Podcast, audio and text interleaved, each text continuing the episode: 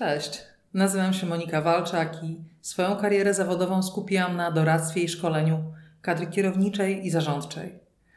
Moim mottem jest do problemów podchodź twardo, zaś do ludzi zawsze miękko.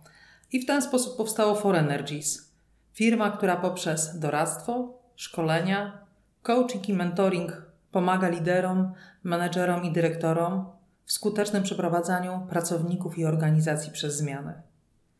Ja na co dzień jestem pasjonatką procesowego podejścia. Łączę swoje wieloletnie doświadczenie w biznesie z coachingowym stylem zarządzania. A wszystko po to, aby moi klienci osiągali jak najlepsze wyniki, a ich pracownicy byli zadowoleni ze swojej pracy. Jeżeli w swoim życiu kierujesz pracą innych i jesteś odpowiedzialna, odpowiedzialny za wyniki, ten podcast może być dla Ciebie. W tym odcinku zapraszam Cię serdecznie do podcastu, który dedykuję wszystkim menedżerom, dla których udzielanie informacji zwrotnej dla pracowników jest bardzo ważną rzeczą. Jedno mało zastrzeżenie. Zastrzeżenie jest takie, że w tym odcinku też chciałabym przede wszystkim zaprosić Cię do tego, żebyś popatrzył, co jest kluczowe w rozmowie zwrotnej, właśnie w tym spotkaniu z pracownikiem, o co warto zadbać, na co warto zwrócić uwagę, zanim przejdziesz do samego modelu, do samej struktury rozmowy zwrotnej czy informacji zwrotnej. Tak? Pierwsza rzecz, na którą chciałabym od razu zwrócić uwagę, bardzo często informacja zwrotna jest mylona z rozmową rozwojową. Jaka jest różnica między tymi dwoma rzeczami? Pierwsza rzecz jest taka, że rozmowa rozwojowa koncentruje się przede wszystkim na wypracowaniu wyników, poprawy, zmiany zachowania i to też jest ok ale informacja zwrotna jest w mojej ocenie e, o wiele bardziej pełna, bo po pierwsze zawiera ten element rozwojowy, ale też pozwala na omówienie tego, co się zadziało na poziomie faktów. Tak pozwala na to, żeby refleksyjnie dotknąć pewnej przeszłości, która się już wydarzyła, a którą no, jakby do ciebie należy decyzja, czy chcesz o niej mówić, czy nie. Ja zachęcam do tego, żeby chcąc właśnie mm, pracować z, z, z pracownikiem w sposób rozwojowy, zarówno mówić o tym, co się wydarzyło, czyli mówić o przeszłości, o doświadczeniu i dopiero na tej kanwie wchodzić w propozycje rozwojowe. Tak by taka mała naczelna zasada, którą stosuję i e, do której zachęcam, żebyś po prostu sprawdził, czy sprawdziła. I o czym dzisiaj? Dzisiaj tak naprawdę przygotowałam 7 ważnych, w mojej gdzieś ocenie chyba kluczowych zasad, jakie warto uwzględnić, e, jakie rekomenduję Ci, żebyś uwzględnił, uwzględniła, właśnie przygotowując się do rozmowy, rozmowy typu, typu feedback, do udzielenia informacji zwrotnej. Więc o co warto zadbać, gdy chcesz spotkać się ze swoim pracownikiem i przekazać mu tą informację zwrotną? Pierwsza rzecz, dla mnie warunek sine qua non, a mianowicie pomyśl, co chcesz osiągnąć, jaki cel ma ta rozmowa. Ok, zawsze możesz powiedzieć, no jak to Monika, co chcę osiągnąć? No chcę pokazać pracownikowi, co jest do poprawy. Dobrze, tylko zastanów się, to idź dalej, zastanów się wobec tego, co ma być na końcu tej rozmowy. Co chcesz, żeby się zadziało z Twoim pracownikiem? W jakim stanie chcesz go zostawić i w jakie działanie ten pracownik ma później wejść. Dlaczego warto nad tym się zatrzymać i na to popatrzeć? Dlatego, że tak naprawdę z jednej strony mamy swoje intencje, mamy swoje chęci, mamy swoje cele, ale z drugiej strony warto od czasu do czasu wejść w buty tego pracownika i jakby wyestymować, przewidzieć, co to, co przygotowaliśmy w tej rozmowie, e, może, może spowodować, jaki może być e, efekt końcowy naszej rozmowy. Dlaczego nad tym się tak zatrzymuję? Dlaczego e, zachęcam Cię do tego, żebyś e, przygotował ten element, czy przygotowała ten element informacji zwrotnej? Otóż, jak popatrzysz sobie na wcześniejsze podcasty, tam mówię bardzo mocno o tym, co ludzie przeżywają w zmianie, jakie towarzyszą im emocje, jakie mają potrzeby. I jestem w stanie sobie wyobrazić, że jeżeli Twoja organizacja, jeżeli Twoja firma jest w trakcie zmian, jeżeli przechodzi jakąś, jakąś no właśnie jakąś zmianę i w efekcie końcowym Twoi pracownicy są właśnie w pętli zmiany, to uwzględniłabym, co się z nimi dzieje właśnie w tej rozmowie zwrotnej, w, tej, w udzielaniu tej informacji zwrotnej. Na poziomie konkretu. Jeżeli masz pracownika w oporze albo w negacji do tego, co się wydarza w organizacji, informacja zwrotna dla niego myślę, że będzie troszkę inaczej wyglądała niż w odniesieniu do pracownika, który jest na etapie zaangażowania i który mówi: tak, zróbmy to, idźmy w to, jestem w tym wszystkim. Tak? ta komunikacja, ta, komunik- ta komunikacja powinna trochę inaczej wyglądać. Więc pierwsza rzecz, pytanie: co chcesz osiągnąć? Jaki masz cel? A z czym chcesz swojego pracownika zostawić? To jest jedna rzecz. Druga rzecz. W odniesieniu do ciebie samego, drogi szefie, droga szefowo, podchodząc do takiej rozmowy, zapraszając swojego pracownika do takiej rozmowy, bądź, jak to mówią coachowie, w stanie zasobnym. Czyli bądź przygotowana, bądź przygotowany, bądź silna, bądź pewna, bądź w dużym dobrostanie własnych emocji i własnego dobrego samopoczucia, samopoczucia psychicznego.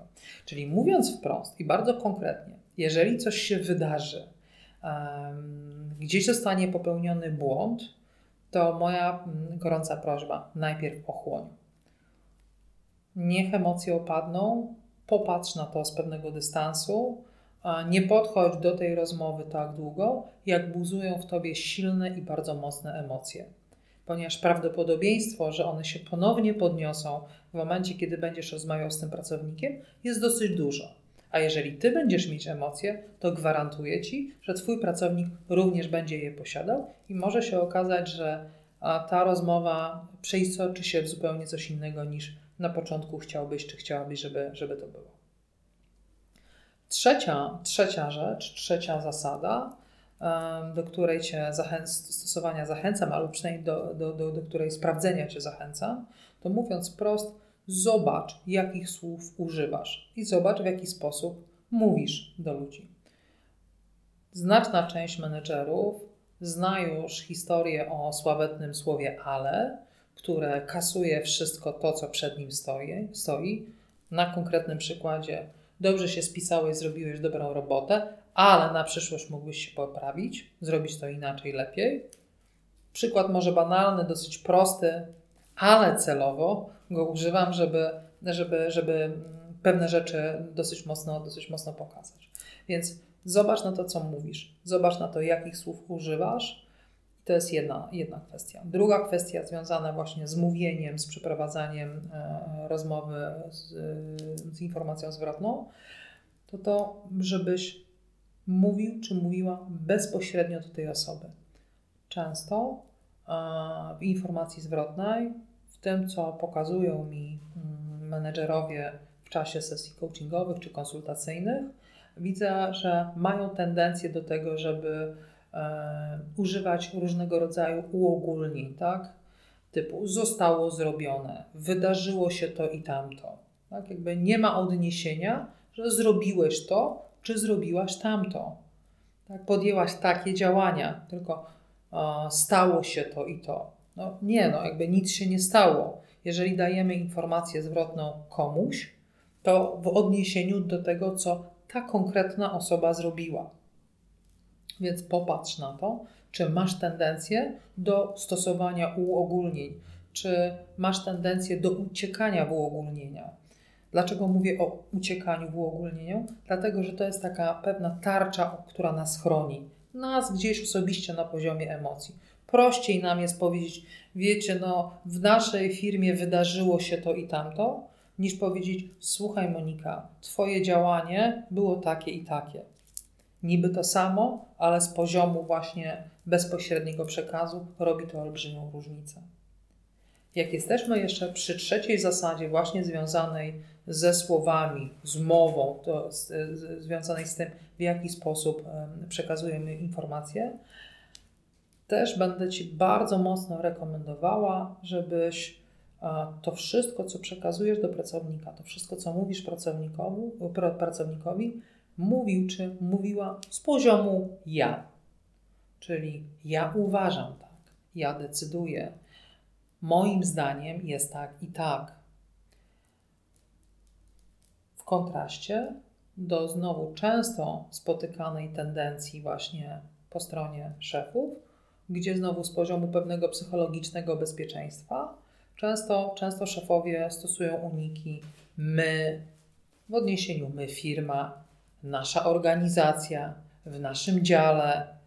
E, my nie jesteśmy zainteresowani takim i takim działaniem, takimi takimi decyzjami, takim i takim postępowaniem, tak? ale to my staje się taką kurtyną, taką zasłoną, za którą menedżer staje się mniej widoczny bezpośrednio on jako on i e, która daje wbrew pozorom bardzo złudne poczucie bezpieczeństwa.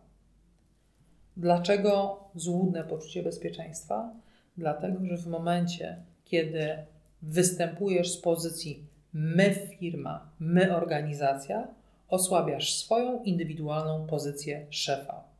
Przestajesz być tym konkretnym szefem, przestajesz budować swoją pozycję i swój autorytet, tylko stajesz się troszkę zamgloną, rozmydloną postacią, która, która, która staje się trudno identyfikowalna i trudno, e, i, i, i jakby z której transparentność się w dużej mierze zmniejsza. Czwarta zasada. Czwarta zasada to przede wszystkim zasada, która dotyczy poczucia bezpieczeństwa w rozmowie, zarówno Twojego jako osoby odpowiedzialnej za to wszystko, co się w czasie tego spotkania wydarza, jak i bezpieczeństwa Twojego rozmówcy. Czyli zadbaj o komfort tej rozmowy. Może to banalne, ale sprawdź, czy masz wystarczającą ilość czasu, czy miejsce, w którym będzie ta rozmowa, jest odpowiednio komfortowe dla obydwu osób, czyli mówię o wszelkiego rodzaju przeszkadzaczach. Takim przeszkadzaczem mogą być ciągle osoby, które pukają i sprawdzają, czy dany pokój konferencyjny, czy sala konferencyjna jest wolna, czy zajęta. Ale też takim przeszkadzaczem e, są klasyczne korporacyjne akwaria, tak? gdzie masz trzy szklane szyby, w środku siedzi, wybacz za dosadność, ale pewien nieszczęśnik, i wszyscy przechodzą i patrzą, co tam się dzieje w środku po prostu. A jeszcze nie daj Boże, jak zaczynają ci machać i pozdrawiać, to już robi się rzeczywiście dosyć duże zamieszanie i to zamieszanie, mówię, zarówno dla, dla Twojego pracownika, jak i dla Ciebie samego, bo też nie masz uwagi swojego pracownika w tej rozmowie. Oprócz czasu, oprócz miejsca i oprócz też tego właśnie spokoju, tego stanu zasobnego, który masz e, w sobie, zachęcam Cię do tego, żebyś też jakby stworzył czy stworzyła w sobie taką gotowość do rozmowy. I tu uwaga moja odautorska jest taka, że w standardowych szkoleniach, w standardowych modelach feedbackowych możesz spotkać się z informacją, że no właśnie, feedback is the gift, w związku z tym druga strona ma go po prostu przyjąć i tyle. I nie może z tym dyskutować, nie może rozmawiać, nie może polemizować, nie daj Boże. Model modelem, rzeczywistość rzeczywistością. Pytanie, jakim szefem chcesz być? Czy chcesz być tym, który w czasie tego spotkania wystąpi tylko z pozycji swojej roli, stanowiska, mówiąc wprost, władzy, przekaże pewną wiedzę, pewne dane, pewne informacje i tyle? Czy też chcesz być tym szefem, do którego ja Cię osobiście bardzo mocno zachęcam, szczególnie w tym świecie zmiennym, w tym świecie niepewności, w tym świecie spadku odporności psychicznej? Czyli chcesz być tym szefem, który będzie blisko na poziomie takiego komitmentu emocjonalnego również ze swoim pracownikiem. To jest bardzo ważne w sytuacji, kiedy szczególnie przekazujesz negatywną informację zwrotną. Ludzie mogą ci w różny sposób na to zareagować. Więc zachęcam Cię do tego, żebyś miał czy miała gotowość na to, że ten człowiek będzie coś odpowiadał, będzie się bronił, będzie próbował wyjaśnić. Stwórz przestrzeń do tego, żeby mógł się wypowiedzieć. To nie oznacza, że Ty to zaakceptujesz, ale zawsze możesz wysłuchać. Piąta rzecz, o, związana bardzo mocno z informacją zwrotną, to czas. W jakim ujęciu czas? A mianowicie moja gorąca prośba do Ciebie, jeżeli myślisz o daniu komukolwiek informacji zwrotnej, czy w pracy, czy w życiu prywatnym, to popatrz na to, ile czasu upłynęło od momentu, kiedy dana sytuacja się wydarzyła. Moim zdaniem optymalny czas właśnie na mm, udzielenie informacji zwrotnej to jest około do dwóch tygodni, ponieważ wtedy jesteśmy na świeżo. Te dwa tygodnie to jest wystarczająca ilość czasu na to, żeby ochłonąć z jednej strony, żeby emocje nam opadły, żeby nabrać pewnego dystansu. I to też jest wystarczający czas na to, żeby jeszcze tą sytuację mieć w pamięci. Po mniej więcej dwóch tygodniach włącza nam się zacieranie. Przychodzą kolejne rzeczy, kolejne impulsy, kolejne wydarzenia, które zacierają nam ogląd danej sytuacji. Trochę mm, nawiązując do tego, e, co powiedział kiedyś, podobno powiedział marszałek Piłsudski, prawda jest jak dupa, każdy ma swoją. W momencie, kiedy włącza nam się zapominanie, podobnie będzie z sytuacją, którą, do której chcesz się odnieść. Coraz bardziej włącza się własna imaginacja, własne wyobrażenia, własna fantazja na temat swojej roli, swojej odpowiedzialności w, w, w danym zdarzeniu i w takiej sytuacji. Stąd też ten czas do dwóch tygodni jest w miarę optymalny na to, żeby usiąść z kimś i na spokojnie porozmawiać, omówić to, co się, to, co się wydarzyło. To jest jedna rzecz. Druga rzecz, te dwa tygodnie to też jest taki odpowiedni czas na to, żeby w miarę szybko potem wdrożyć e, rozwiązania naprawcze, na przykład, jeżeli cały czas będziemy krążyć wokół negatywnego, negatywnego feedbacku. Co mówi magiczna szóstka e, w zasadach dotyczących feedbacku? Magiczną szóstkę przeznaczam szeroko pojętym generalizacją i uogólnieniom. Gdybym spisywała wszystkie uogólnienia i wszystkie generalizacje, jakie słyszę w rozmowach właśnie z szefami, wierz mi, byłoby ich zdecydowanie więcej niż może się to wydawać. Feedback, tak jak mówiłam na początku, to jest de facto rozmowa będąca wyzwaniem zarówno, zarówno dla osoby, która pobiera ten feedback, ale również dla tej osoby, która daje ten feedback. W związku z tym tutaj na dosyć wysokim poziomie zdenerwowania najczęściej, na podwyższonym stresie, mamy tendencję do tego, żeby właśnie stosować albo takie trendy językowe, albo stosować takie kurtyny słowne typu zawsze tak się dzieje. W każdej sytuacji miałam możliwość zaobserwowania Twojego zachowania, jeżeli byśmy mówili o jakichś przykładach. Albo każdy wie przecież, że tak się nie robi albo wszyscy wiedzą oprócz ciebie. I znowu, teraz celowo trochę wyolbrzymiam, ale wierz mi, naprawdę te wszystkie zawsze, wszyscy, każdy pojawiają się dosyć często w takiej rozmowie i mówiąc wprost, oprócz szumu nie wnoszą, nie, nie wnoszą niczego, e, a dodatkowo jeszcze z poziomu emocji osoby, która doświadcza tego feedbacku, wywołuje odruch obronny. Tak?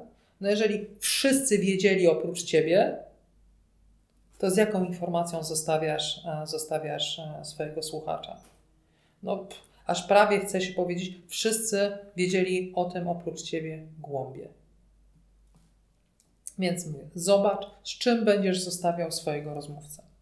I siódma, e, i siódma ostatnia, siódma ostatnia zasada, siódma, ostatnia rekomendacja mm, w feedbacku, no to jest właśnie to, że ok, feedback is the gift, przy czym w mojej ocenie, w mojej perspektywie, to jest gift dla obydwu stron. Nie tylko dla Ciebie, nie, nie, nie tylko dla Twojego e, rozmówcy, również dla Ciebie. Z jakiej perspektywy? No przede wszystkim takiej, że w tym świecie zmienności, w tym świecie niepewności, w tym świecie, gdzie trywialnie już wiemy, że pewna jest tylko zmiana, de facto ten feedback staje się, trochę się przekształcił moim zdaniem bardzo w, w, w rozmowę.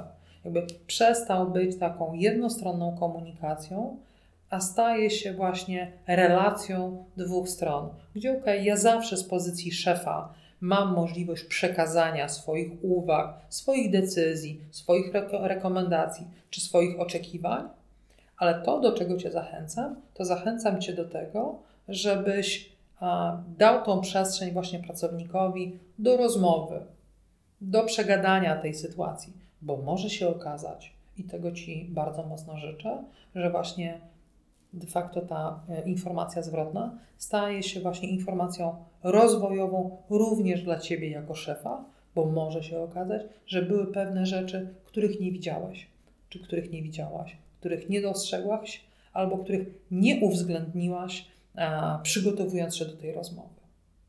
Na co to się przekłada?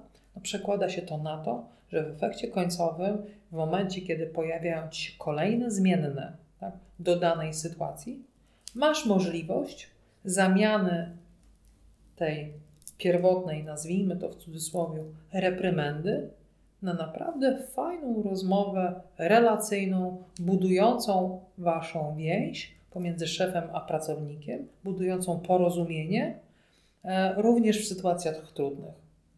Czyli tak naprawdę idziesz w tym kierunku, który powoduje, że ludzie czują się z tobą bezpiecznie i cenią cię jako szefa, bo można i, i wychodzą z takiego spotkania z myślą, że to jest fajny szef, bo można z nim porozmawiać również w trudnych sytuacjach. Nie zostawia mnie samego, tylko jest tam ze mną i razem możemy dalej podziałać. To na koniec dnia przekłada się na to, że ludzie wiedzą z poziomu praktyki i z poziomu doświadczenia w relacji z Tobą, że mają prawo do popełniania błędów, że jest na to przestrzeń i że wobec tego będą mogli, wracając znowu do pętli zmiany, z, e, z większą gotowością, z większą łatwością, z większym zaangażowaniem wchodzić w etap doświadczenia, tak? czyli sprawdzania, co można zrobić nowego, bo jeżeli robimy rzeczy nowe, no to zawsze za sukcesem kryje się również możliwość popełnienia błędu i do tego Cię zachęcam. Dziękuję Ci bardzo za wysłuchanie tego podcastu. Zapraszam serdecznie do moich kanałów na Facebooku, na Instagramie. Znajdziesz mnie na profilu For Energies